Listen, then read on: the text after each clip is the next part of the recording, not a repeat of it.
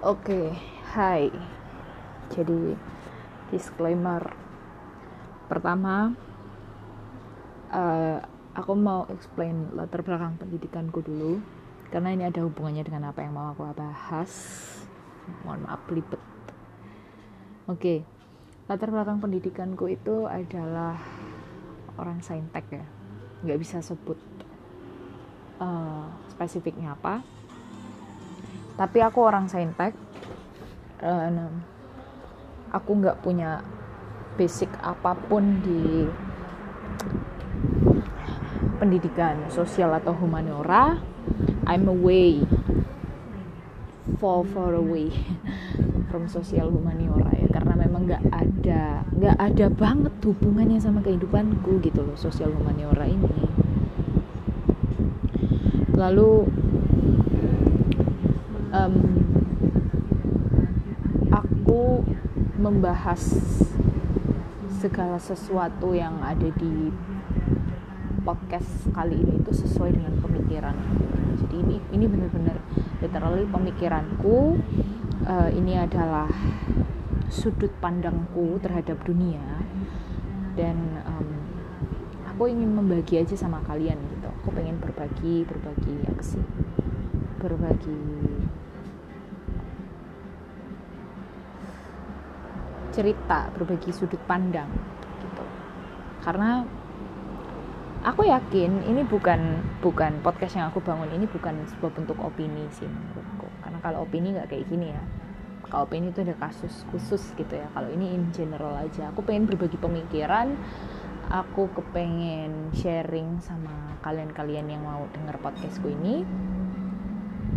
Dan kenapa aku bikin podcast ini karena sesimpel aku adalah orang yang introvert dan aku nggak terbiasa membagikan cerita yang ada mukanya gitu kayak di YouTube atau di Instagram. Pengen sih pengen bisa kayak gitu tapi nggak tahu kenapa ya malu terus udah ter, udah bikin udah bikin banyak gitu terus aku hapus hapusin gitu.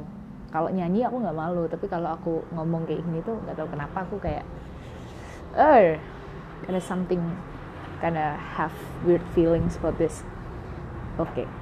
jadi oke okay, sampai situ disclaimernya dan um, aku sambil baca note ya karena aku kepengen podcastnya rapi aja gitu oke okay. jadi um, yang pengen aku bahas kali ini itu adalah judgmental, sikap menghakimi orang lain yang biasa kamu dan aku lakukan. Aku dan kamu lakukan ya. Aku dulu nih.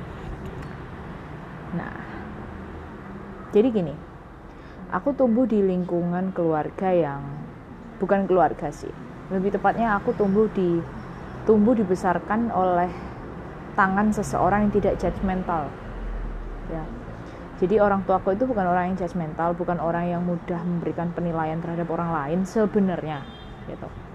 Gak tahu, tapi lately orang tuaku agak-agak judgmental gitu, karena mungkin ya seiring bertambahnya usia ya, jadi mulai makin banyak pertimbangan. Tapi sejak kecil aku memang tidak dibiasakan untuk judging orang gitu. Aku orang tuaku itu bukan tipikal orang tua yang salty dan lingkunganku juga somehow kakak-kakakku juga bukan orang yang salty sama sekali gitu. Kalau lihat sesuatu yang nggak mengenakan bagi dia ya udah gitu kayak take it or leave it. Udah gitu doang gitu. Sesimpel itu. Tapi kemudian aku punya karakteristik judgmental justru setelah aku sudah cukup dewasa somehow for some weird reason. Nggak ada reason sih sebenarnya Gak ada alasan kenapa aku bisa jadi orang yang judgmental itu gak ada. Tapi gak tahu kenapa aku itu tumbuh jadi orang yang judgmental justru setelah aku lulus SMA gitu. SMK lebih tepatnya. Gitu. Dan um, sikap itu nggak baik. Sikap itu nggak baik. Aku pernah mendapatkan masalah yang cukup menghantam rasa maluku gitu karena aku sangat amat apa ya sangat amat jahat sih sebenarnya kalau ngomong kayak gitu gitu tentang orang gitu. terus kemudian aku aku belajar lagi dan kemudian aku menghapuskan cara hidupku yang seperti itu dan kemudian kembali ke cara hidupku yang semula gitu yang di mana cara hidupku yang semula yang waktu aku kecil itu udah bener banget gitu nah lalu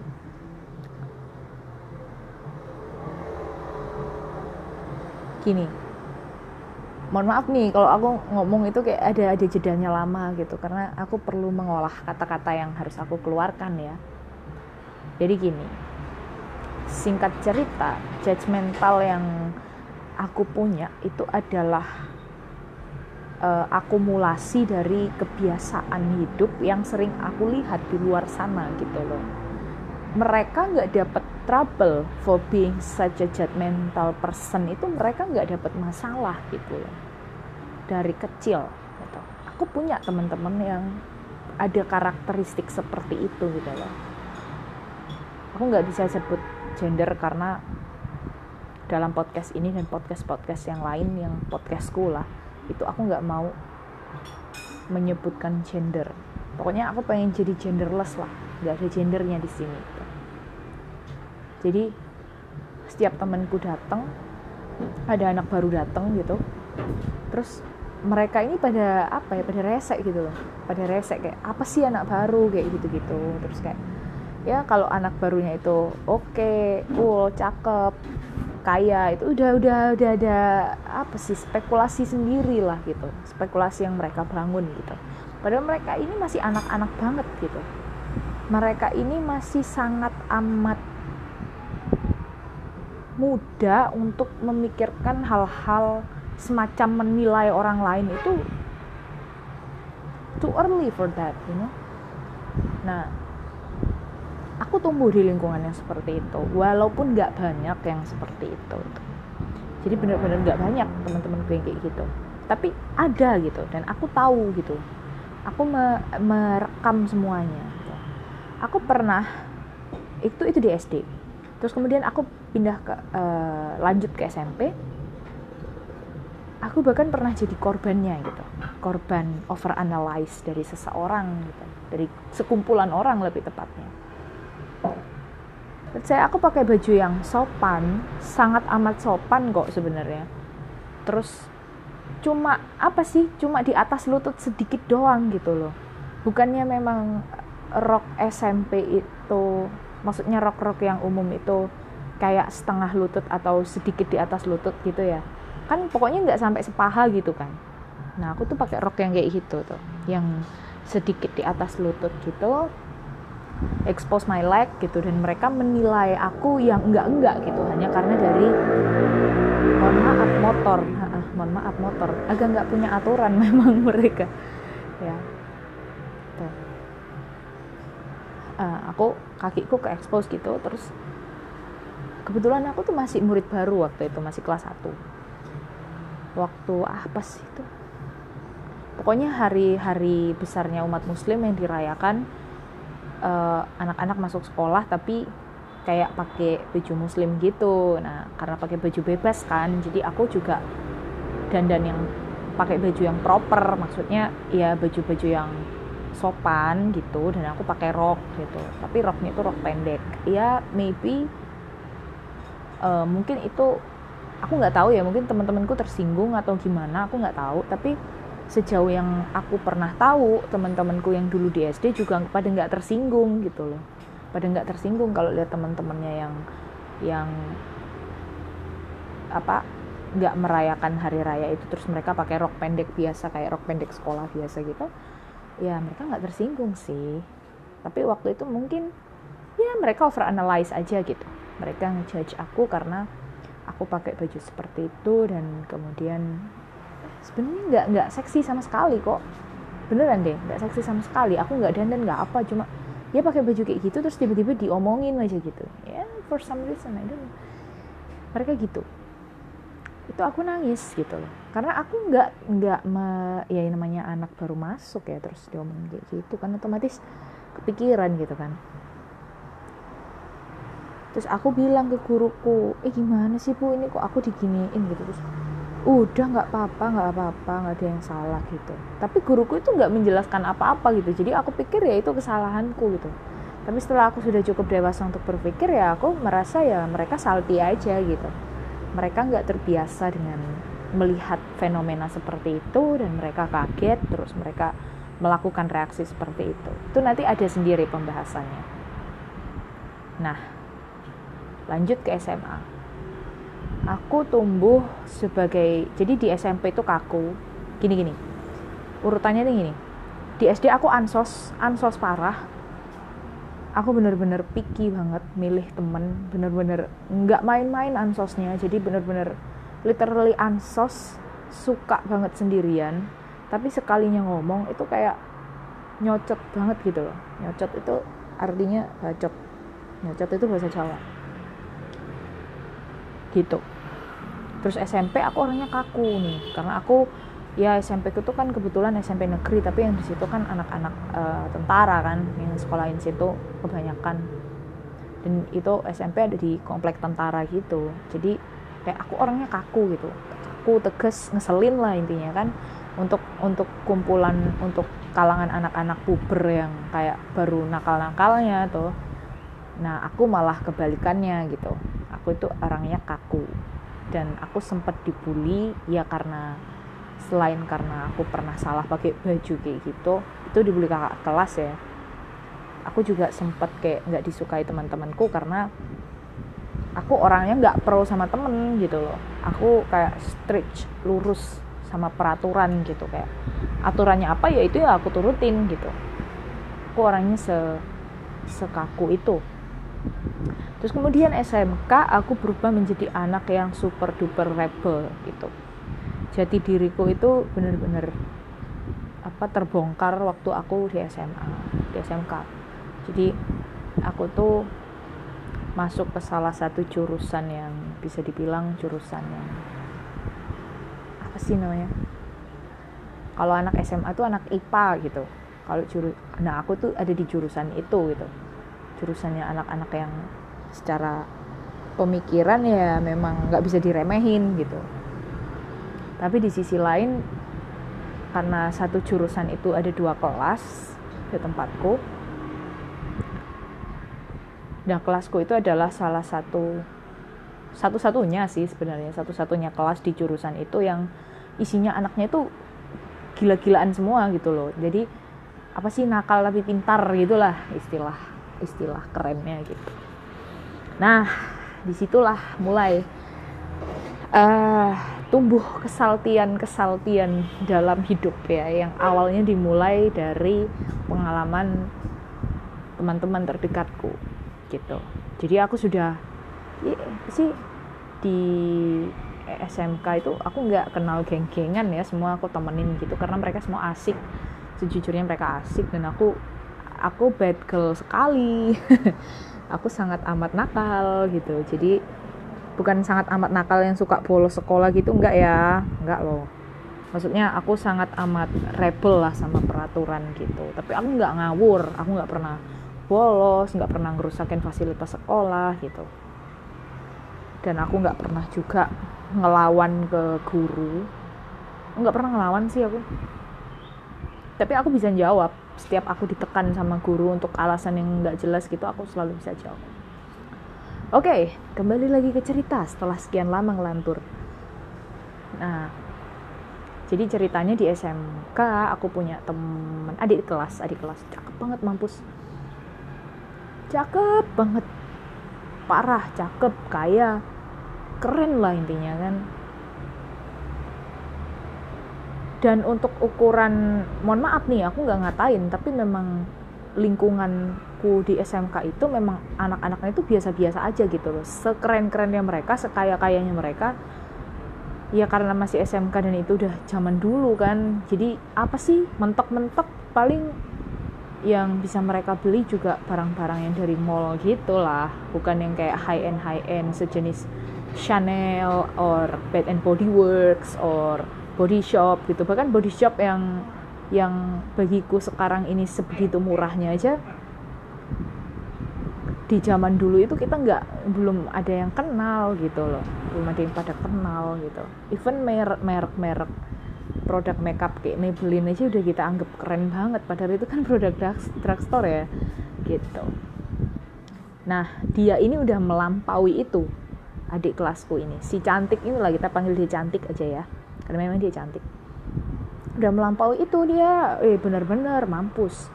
Produknya sudah bukan lagi drugstore dan dan itu benar-benar high end gitu. Saat itu teman-temanku memang belum ngeh sih cuma satu dua orang aja yang ngeh gitu. Termasuk aku. Aku udah udah ngeh gitu anak ini nih ini bukan anak biasa gitu. Maksudnya ya nggak kayak normally kita oh, kita kita yang kayak jajannya cuma beberapa puluh ribu lah mentok-mentok. Itu udah kayak wah anak sultan gitu. Nah dia tuh lebih-lebih lagi gitu loh. Nah terus ini ceritanya gak panjang ya kalau yang di SMK ini. Temanku itu lihat dia itu kita kita sebenarnya tertarik dia dia itu karena dia sama geng-gengnya itu kalau beli makanan itu banyak tapi yang dimakan cuma seperempat sampai setengahnya gitu loh. Terus disisain ditaruh di atas meja kayak gitu gitu loh. Kayak apa sih mubazir ya? Tindakan-tindakan mubazir gitu loh. Padahal selama ini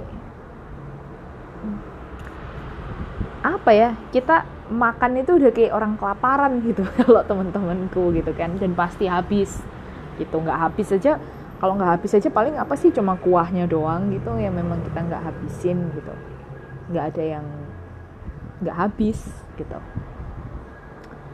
Nah sebenarnya yang disoroti sebagian temanku yang lain itu karena tindakan mubazirnya mereka aja gitu. Kita nggak nggak salty tentang mereka cantik atau gimana karena di angkatanku sendiri juga ada anak-anak yang gayanya kayak mereka tapi sedikit lebih ya you know lah nggak terlalu se high end dia gitu kita tahu gitu loh kalau anak-anak yang cantik itu kita udah terbiasa. Termasuk aku juga aku lihat adik-adik tingkat atau teman-temanku yang cakep-cakep ya aku udah terbiasa gitu. Dan aku punya gaya sendiri jadi kenapa aku nggak salty sama mereka? Kenapa aku nggak jahat sama mereka? Karena ya memang ya memang kita berbeda aja berbeda selera aja gitu. Nah temanku ini yang se, se dari awalnya kita menyoroti tentang makanannya gitu.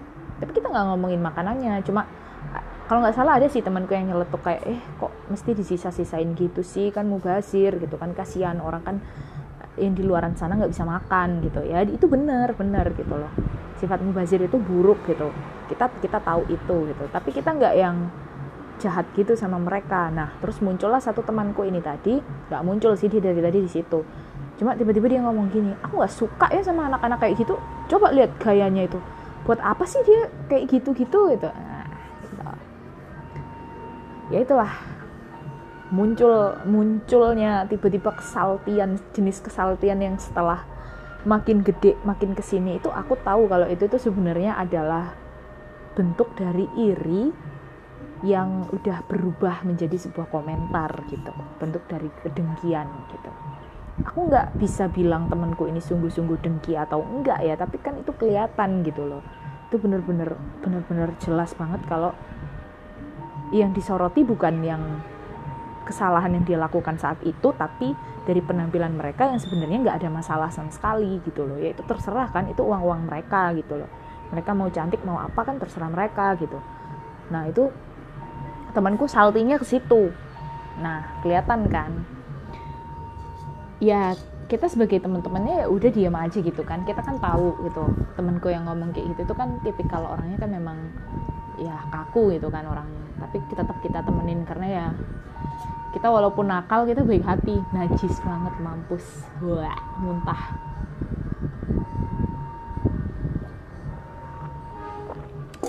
Nah kemudian beranjak aku kuliah nggak tahu kenapa lingkaran pertemananku itu agak-agak depressing ya.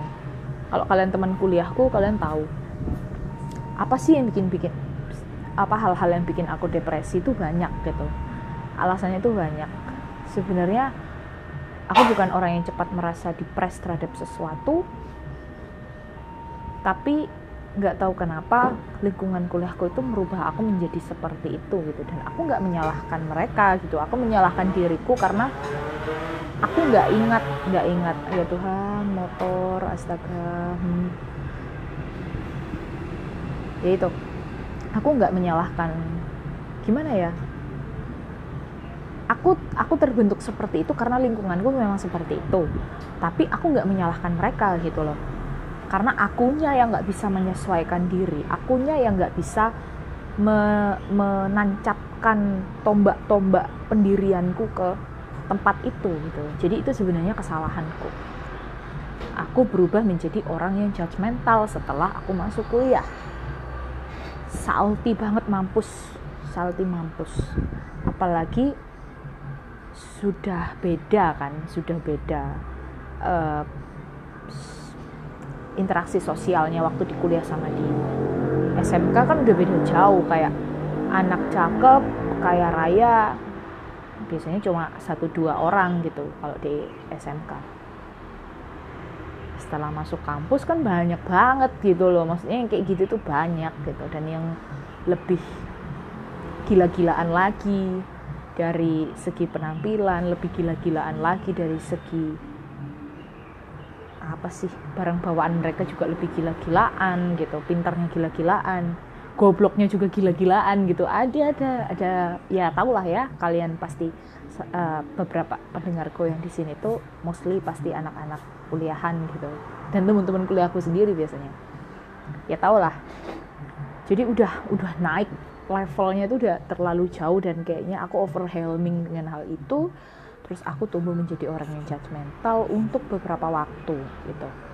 Jadi singkatnya aku waktu masuk aku bukan orang yang judgmental terus uh, salah satu pergaulanku membawa aku menjadi orang yang judgmental setelah itu aku mendapatkan sebuah masalah karena aku menjadi orang yang judgmental setelahnya aku belajar untuk menjadi kembali seperti diriku yang dulu bahwa senyampang mereka nggak merugikan orang lain itu nggak akan ada masalah gitu loh. Dan kita nggak layak memberikan penilaian pribadi kita terhadap mereka. Karena mereka berhak mendapatkan hidup yang mereka mau gitu. Selama itu nggak merugikan orang lain gitu. Kan hidup-hidup mereka urusan mereka gitu loh. Kecuali kalau mereka nabok orang lain ya kita tabok balik nggak masalah. Kan kita apa istilahnya ya mata ganti mata gigi ganti gigi ya terus jangan gitu guys. Hukum kasih tetap harus dijalankan ya. Jadi uh, singkatnya apa sih yang membuat kita itu sebagai manusia merasa sangat-sangat bisa sangat-sangat layak untuk menghakimi orang lain gitu? Apa sih penyebabnya? Sebenarnya guys ini hal yang lucu banget. Kita kayak gini nih ada penyebabnya loh. Beneran deh nggak bohong. Kita kayak gini nih ada penyebabnya. Kita jadi judgmental itu ada penyebabnya. Pertama yang pertama tadi yang dia aku ceritain dari temen SMA ya dan anak-anak SD biasanya itu karena iri. Itu karena iri. Yang paling relate sama teman SMK ku jadi somehow kita tahu gitu loh dia itu lebih lebih lebih dan lebih dari kita. Lebih dalam hal penampilan dalam segi finansial dalam hal popularitas mereka lebih lebih dari kita gitu. Sementara kita waktu itu adalah sekelompok remaja dan di mana remaja itu mostly sangat suka banget dikagumin gitu loh. Remaja itu ngaku atau nggak ngaku kita suka banget diperhatikan gitu. Dan kemudian mereka mencuri spotlight kita gitu. Si cewek cantik ini tadi mencuri spotlightnya. Aku dan teman-temanku terus kemudian temanku jadi salty ke mereka kayak gitu. Itu karena iri sebenarnya gitu. Nah dan yang kedua ini yang pernah aku alami di kuliah ya. Uh, kadang orang judgmental itu karena mereka trauma mereka punya trauma masa lalu dan mereka itu nggak nggak berpikir panjang gitu loh. Sebelum mereka mau menghakimi orang lain itu mereka nggak berpikir panjang. Kenapa kok harus menghakimi orang itu? Dan apa dampaknya? Kayak gitu. Dan mereka itu nggak memikirkan hal yang paling penting. Kenapa kok kita nggak boleh judging gitu loh? Berdasarkan trauma. Mereka nggak mikir itu. Aku nggak mikir itu waktu itu aku nggak mikir kalau dia itu adalah orang yang sama sekali nggak ada hubungannya dengan masa laluku. Aku nggak berpikir kalau dia itu benar-benar beda kepala dan tidak tumbuh dalam lingkunganku gitu. Aku nggak berpikir tentang itu gitu. Kalau seandainya aku berpikir lebih jauh seandainya aku berpikir itu gitu. Seandainya aku tidak terlalu benci karena trauma aku itu tadi aku pasti tidak akan jadi orang yang judgmental gitu. Dan aku nggak akan judging dia gitu. Dan nggak akan jadi masalah nggak akan nggak akan menimbulkan permusuhan dan lain sebagainya gitu. Seandainya aku tidak terbawa emosi tidak terbawa trauma gitu. Seandainya aku berpikir lebih jauh. Dia nggak ada hubungan apa-apa sama masa laluku gitu. Tapi aku berpikir karena aku tiba-tiba kayak dejavu eh dejavu bukan. Apa sih? Flashback. Kayak aku flashback gitu. Tiba-tiba keinget ada nih orang yang bentukannya kayak dia tuh gini gini gini gini gitu. Akhirnya tercetuslah kata-kata itu. Padahal aku nggak tahu aslinya gitu. Nggak tahu faktanya. Nah itu menjadi semacam masalah. Karena judging yang karena trauma ini tadi benar-benar bisa bawa masalah. Seolah-olah kita tahu hidupnya mereka kayak gimana padahal nggak tahu ya. Itu sotoyan berlebihan tolong ya. Benar-benar membawa petaka dan bencana itu. Nah yang ketiga dan yang paling aneh paling nggak masuk akal paling nggak reasonable di antara yang adalah karena mereka tidak terbiasa melihat orang-orang seperti itu. Gak masuk akal kan? Tapi memang itulah kenyataannya. Jadi gini, judgmental itu kan sebenarnya orang punya masalah hidup ya. Masalah hidupnya pertama dia iri, yang kedua dia trauma dengan masa lalu. Flashback aja gitu. Terus dia jadi judgmental. Kayak yang tadi aku jelasin. Nah dia nggak ada masalah dua ini nih. Kayak contoh nih, aku aku anak populer ya. Anak populer, terus aku punya banyak uang, aku punya banyak temen, aku disukai semua orang, aku punya prestasi. Tapi aku bisa nggak suka sama seseorang yang bukan beda kelas ya. Aku nggak percaya tentang kelas. Tapi aku bisa nggak suka banget sama orang yang kayak dia beda banget gitu. Dia itu uangnya biasa-biasa aja kemampuan finansialnya biasa-biasa. Dia cari uang sendiri tapi dia keren. Dia cakep juga dia manis. Dia manis. Dia nggak sekuat itu daya daya apa atraktifnya ke banyak orang. Itu nggak sekuat aku gitu. Dia lebih nggak menarik perhatian gitu. Tapi nggak tahu kenapa aku iri. Itu bisa dibilang dengki enggak. Sebenarnya enggak sih nggak bisa sih itu dibilang dengki karena uh, beda gitu kondisinya beda. Kondisinya aku punya segalanya dan dia nggak punya apa-apa gitu. Ceritanya gitu. Tapi aku bisa nggak suka sama dia karena apa? Kemungkinan bisa jadi karena cara berpikirnya dia itu sangat-sangat bebas gitu. Sangat bukan sangat bebas kayak free willing bukan. Maksudnya dia nggak kenal sistem kasta gitu dia sarak sayap kiri garis keras gitu. Mohon maaf nih aku ngomong-ngomongin sayap kiri mohon maaf orang-orang kiri. Karena aku sebenarnya kiri juga ya cuma ya itulah. Dia dia orangnya kiri banget gitu. Kayak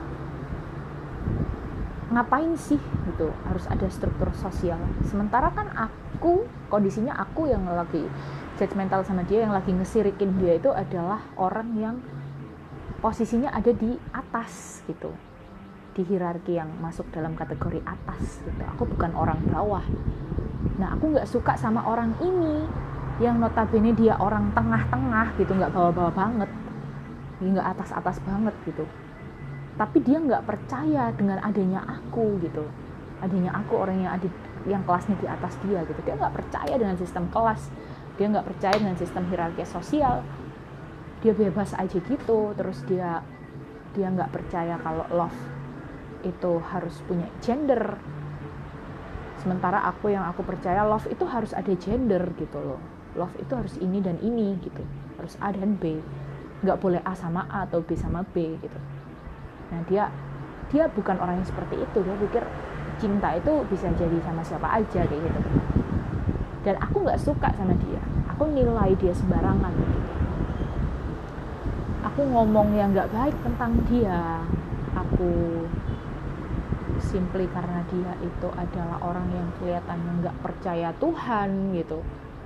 Sementara aku percaya kayak gitu gitu ya mohon maaf nih kalau aku ngomongnya kayak sedikit lebih spesifik dan meruncing itu dan kayak kemudian semakin lama semakin tajam semakin kayak sedikit ofensif mohon maaf gitu. Tapi kalau memang kalian merasa ada sedikit yang menyinggung kalian di sini entah aku yang salah atau memang ada dari yang aku bahas ini ada kaitannya dengan kehidupan kalian gitu. Mungkin ya itu yang harus kita jadikan pertimbangan rame-rame ya kita jadikan pertimbangan bersama benci banget sama dia hanya karena aku tidak terbiasa gitu loh. Aku tidak terbiasa dengan cara berpikirnya aku nggak terbiasa dengan caranya dia menganut sesuatu aku nggak terbiasa dengan dia yang sangat-sangat pro terhadap rakyat miskin kota dan sebagainya. Oh my god mohon maaf loh aku ngomong kayak gini. Karena aku sebenarnya kepengen ini bisa mohon maaf mohon maaf uh, ada ambulan nih tadi lewat coy ya rumahku di pinggir jalan sih. Jadi mohon maaf memang selalu seberisik ini dan aku nggak berusaha mengurangi mengurangi keberisikan karena memang nggak bisa gitu. Aku nggak punya eh, ruangan yang benar-benar private gitu sih di rumahku. Ya gitulah intinya. Jadi ada tiga hal. Jadi sesuai dengan yang bisa aku simpulkan. Pertama dia iri yang kedua dia punya trauma di masa lalu dan dia berpikir terlalu cepat untuk menilai orang lain. Dan yang ketiga bahwa dia sesimpel tidak terbiasa dengan yang dilakukan orang itu gitu loh. Dengan dilakukan dengan yang dilakukan oleh orang yang dihakimi dia ini si hakimnya nggak terbiasa gitu. Jadi sebenarnya itu permasalahannya kenapa kok orang bisa menghakimi orang lain? Gitu. Kayaknya dia nggak ada masalah apa-apa dia sama orang itu. Kayaknya dia juga baik-baik aja. Dia lebih oke okay, dia lebih ini lebih itu lebih itu. Tapi kok dia salty ya? Iya karena dia nggak terbiasa aja. Sesimpel nggak terbiasa aja gitu loh. Dan sebenarnya apakah judgmental itu gini gini aku memang nggak suka dengan sifat judgmental tapi bukan berarti aku menghakimi kalian yang ngingetin orang yang memang udah nyata-nyata berbuat salah dan merugikan orang banyak atau merugikan orang lain ya. Itu hak kalian untuk bersuara. Karena dia udah berani me mengambil hak milik orang lain mengambil hak kebebasan orang lain mengambil apa yang menjadi hak orang banyak itu silahkan kalian hakimi gitu loh. Maksudnya itu pretty much not my business gitu. Walaupun aku sendiri juga nggak akan secepat itu menghakimi dia ya. Tapi kalau aku sendiri melihat kalian mau menghakimi orang yang bersalah gitu contohnya kayak orang yang ini ini lagi lagi tahun 2020 ya tahu ya kan ini lagi ada wabah apa gitu. Kayak orang yang ngisi botol hand sanitizernya dari hand sanitizer dari tempat umum gitu. Mereka refill refill hand sanitizernya pakai hand sanitizer di tempat umum. Itu parah sih itu. Itu terserah deh kalau kalian mau marah-marah sama mereka gitu. Karena itu memang sudah menyangkut kepentingan bersama gitu. Itu hak kalian untuk menyuarakan apa yang jadi uh, kenyamanan bersama gitu. Gitu. Tapi kalau yang ini ini yang aku kritisi ini adalah orang-orang yang memang sebenarnya nggak punya masalah gitu. Sama yang dikritisi sama yang dihakimi maksudnya mohon maaf. Jadi yang yang si hakim ini tadi nggak ada masalah apa-apa sama yang dihakimi. Tiba-tiba si hakim ini memutuskan segala sesuatu yang cocok menurut si hakim untuk terdakwa. Weh, mampus. Padahal aku nggak ada hukum hubungannya sama orang hukum ya. Tapi ya itulah itu itu itu nama yang aku sebut daripada mereka anonim kan ya. Gitu. Jadi intinya itu sih dan kenapa aku bikin podcast kayak gini? Karena aku pengen sekali lagi aku pengen berbagi berbagi banyak hal. Dan jangan malu untuk mengakui kalau kita semua itu pernah jadi judgmental aku juga nggak malu untuk mengakui bahwa aku juga pernah melakukan kesalahan karena aku menjadi orang yang sangat judgmental waktu itu. Dan aku merasa bersyukur karena aku pernah mengalami hal seperti itu supaya ke depan aku bisa jadi lebih dewasa lagi gitu. Dewasa dalam hal bersosial bermasyarakat untuk nggak mudah menilai orang gitu loh. Karena kan malu sendiri ya kita udah ngasih penilaian jelek ke mereka saat mereka baik ke orangnya gitu. Kan kita jadi kayak gimana ya malu sendiri gitu. Nah itulah kita. Jadi kadang serangkaian proses-proses yang mengecewakan dalam hidup itu perlu ada supaya kita belajar gitu. Supaya aku belajar gitu. Supaya aku mengerti kehidupan ini dan supaya aku bisa lebih baik lagi setiap harinya gitu. Tapi lebih baik bukan lebih baik dari orang lain ya tapi lebih baik dari versi diriku yang sebelumnya gitu. Nanti aku juga di podcast selanjutnya aku juga akan membahas tentang kenapa orang itu bisa jadi rese. Rese dalam di sini bukan cuma judgmental ya, tapi kayak orang-orang yang ya rese aja gitu. Itu nanti aku juga akan bahas tentang itu. Terus aku juga akan bahas be the person bah, mohon maaf belibet. Be the better version of you every day tadi yang tadi aku bahas tadi ya. Jadi gimana sih caranya? Bukan gimana sih caranya ya karena aku sendiri juga belum tahu. Aku sendiri masih selalu discover hal-hal baru gitu. Tapi kalau menurut aku kenapa sih kita harus berkompetisi melawan diri kita sendiri gitu? Dan kenapa nggak penting banget kompetisi melawan orang lain gitu? Bagiku gitu dan aku juga akan wah banyak deh banyak deh. Jadi banyak yang akan aku ceritain banyak yang akan aku jelasin. Aku bikin podcast ini sesimpel aku pengen berbagi dengan kalian dan aku nggak tahu nggak tahu apa yang bisa aku bagi selain ini gitu. Dan aku cukup cukup amat sangat pemalu. Jadi kalau kalian mau dengerin podcastku aja aku udah seneng banget. Oh my god gitu. Terima kasih untuk sudah mendengarkan bacotanku pada ini hari ini sore. Aku recordnya sore jadi terima kasih sudah mendengarkan bacotanku pada sore hari ini. Semoga bacotanku ini bisa buat temen tidur. Kadang aku dengerin podcast buat temen tidur soalnya. Bisa buat temen tidur bisa buat uh, refleksi sehari-hari mungkin. Kalau cukup bermanfaat kalau nggak bermanfaat ya udah di skip aja nggak apa-apa. Terus udah sekian. May God bless you. Stay healthy stay safe. Please di rumah aja. Ya karena ini lagi musimnya di rumah aja so. Stay healthy guys. Love